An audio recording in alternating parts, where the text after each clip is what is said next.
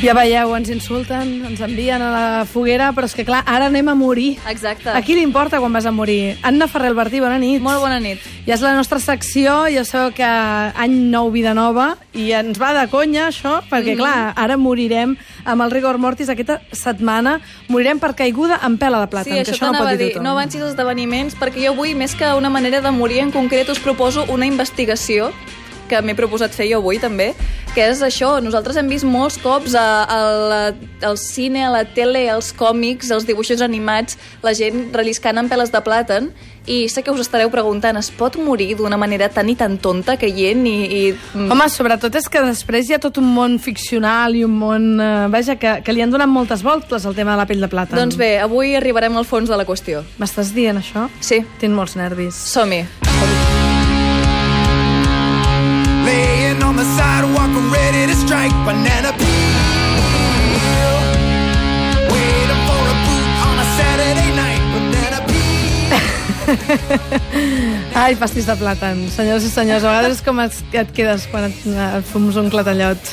Bé, doncs uh, després d'aquesta reflexió tan interessant, uh, bé, us faig saber no us ho espereu, però la història de la relliscada en pela de plàtan com a perill públic és més llarga del que us podeu pensar.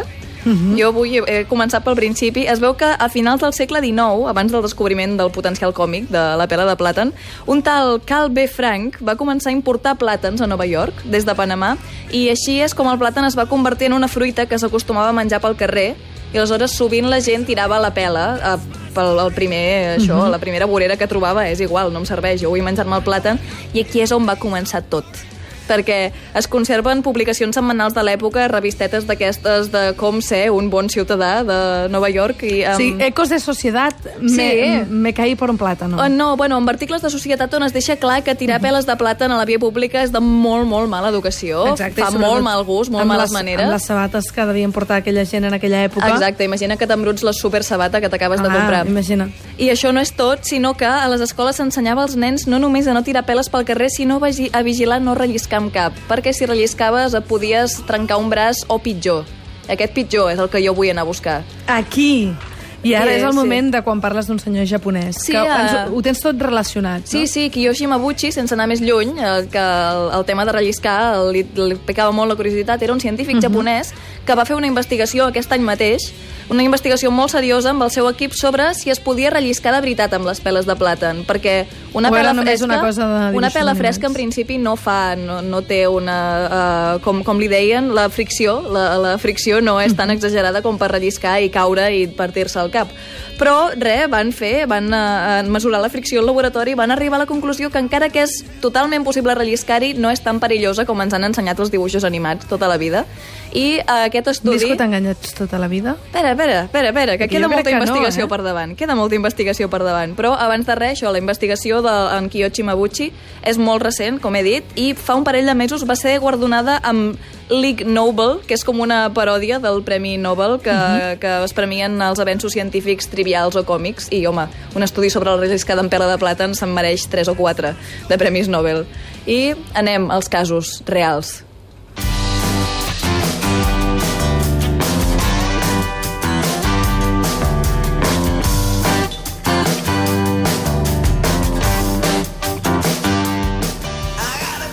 Bueno, després d'aquest repàs exhaustiu de la història de les caigudes per pela de plàtan, us ofereixo els últims passos de la meva investigació, que són les proves, els casos reals, els Però accidents... tu ho has provat a casa o no? Això és el que m'interessa. No tenia Sempre plàtans. diem a la gent I que mira- no provi res del que tu dius I a mira casa. que mentre estava buscant he pensat, tinc unes ganes de menjar-me uns plàtans per postres, però no hi havia manera. Bueno, en fi, abans de res he, he trobat moltes estadístiques d'accidents Mhm. relacionats amb plàtans. Per exemple, sabíeu que el 2001 a la Gran Bretanya hi va haver més de 300 accidents domèstics relacionats amb plàtans Va. i que la majoria van ser relliscades? I, I els altres que es van ennuegar amb un plàtan? Vés a no saber, volem saber. Vés a saber. No volem saber. Potser, no, no ho sé, es, es van esclafar el plàtan i era Ja, més dur del ja, que es ja. pensaven contra el cap.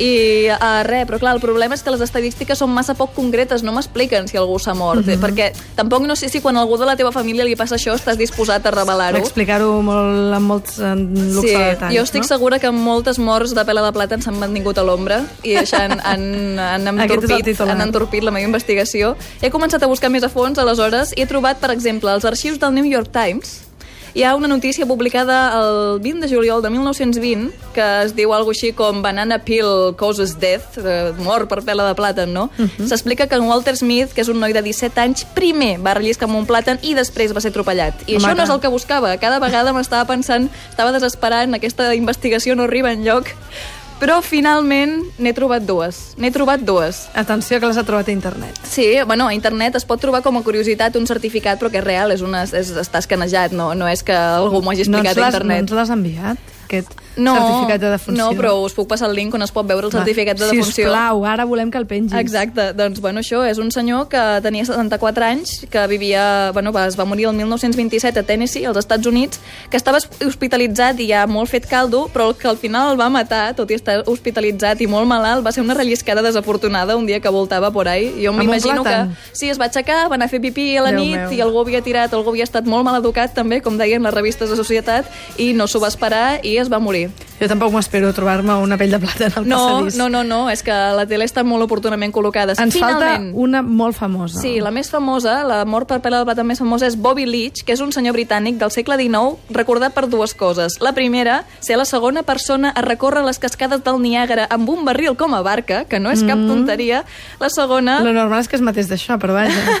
Sí, però no, la segona és precisament la mort per pela de plata. No va ser exactament la relliscada el que el va matar, sinó que se li va infectar la cama, se li va complicar la cosa, però, bueno, no, no m'aixafeu la investigació. Jo perquè... només dic una cosa, que la pell de plàtan és una mica fake. Com deia el senyor Misoguchi Sí, aquest. no, suposo que el que hem d'arribar a la conclusió és que és possible morir per pela de plàtan, però hem viscut enganyats molt de temps. Bueno, encara que no veiem gaires morts eh, normalment. Però saps el que fèiem moltes vegades a la meva època, als anys 80, justament, que és el concurs d'aquesta Sí? nit, ens fumàvem la pell de plàtan. Sí, sí, sí, això ho he trobat molt també. Això és molt complicat.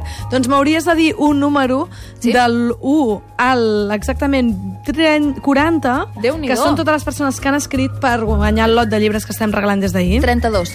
Doncs el 32 és la Susana Tura i ens parla de viure l'ara i aquí. Era el seu propòsit pel 2015. Visca. I per altra banda, de, digue'm un altre número de l'1 al 5, Ahà. que són les persones que han escrit pel còmic. L'1. Doncs Andrés Castells s'endú el còmic i també doncs, aquesta caixeta amb el joc. Nosaltres tornarem el 2 de gener, eh? o sigui que us donem unes vacances. Mireia Isar, Josep Maria Marçà i qui us ha parlat, Montse Virgili. Bon any a tothom, sigueu feliços, mengeu anissos i tornarem a partir del dia 2.